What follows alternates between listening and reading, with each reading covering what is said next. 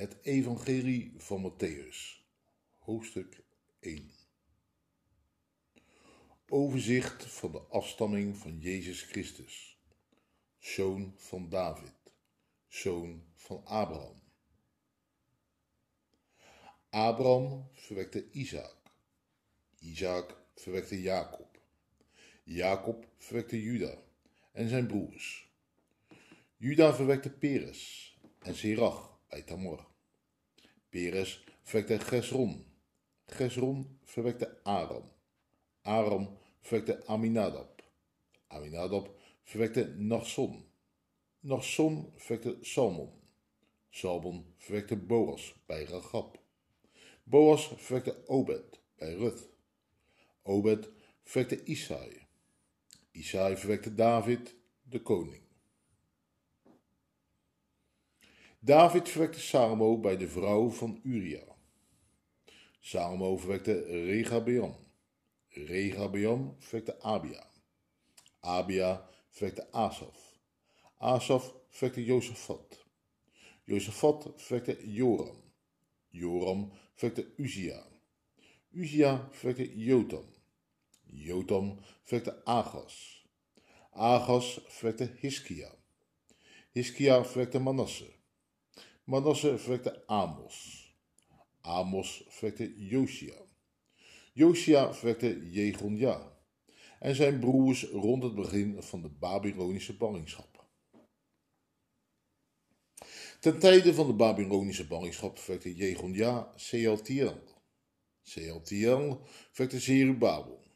Zerubabel verwekte Abiut. Abiut verwekte Eliakim. Eliakim verwekte Azor. Azo verwekte Sadok. Sadok verwekte Achim. Achim verwekte Eriut. Eriut verwekte Eliazar. Eliazar verwekte Mattan. Mattan verwekte Jacob. Jacob verwekte Jozef, de man van Maria. Bij haar werd Jezus verwekt, die Christus genoemd wordt. Van Abraham tot David telde lijst dus veertien generaties van David tot aan de Babylonische ballingschap 14 generaties. En vanaf de Babylonische ballingschap tot Christus 14 generaties. De afkomst van Jezus Christus was als volgt. Toen zijn moeder Maria al was uitgehuwelijkd aan Jozef, maar nog niet bij hem woonde, bleek ze zwanger te zijn door de Heilige Geest. Haar man Jozef die een rechtschapen man was, wilde haar niet in opspraak brengen en dacht erover haar in stilte te verstoten.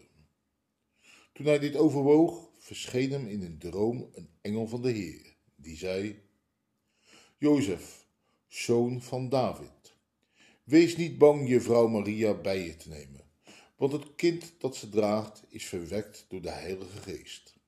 Ze zal een zoon baren. Geef hem de naam Jezus want hij zal zijn volk bevrijden van hun zonde. Dit alles is gebeurd omdat in vervulling moest gaan wat bij monden van de profeet door de Heer is gezegd. De maagd zal zwanger zijn en een zoon baren, en men zal hem de naam Emmanuel geven, wat in onze taal betekent God is met ons.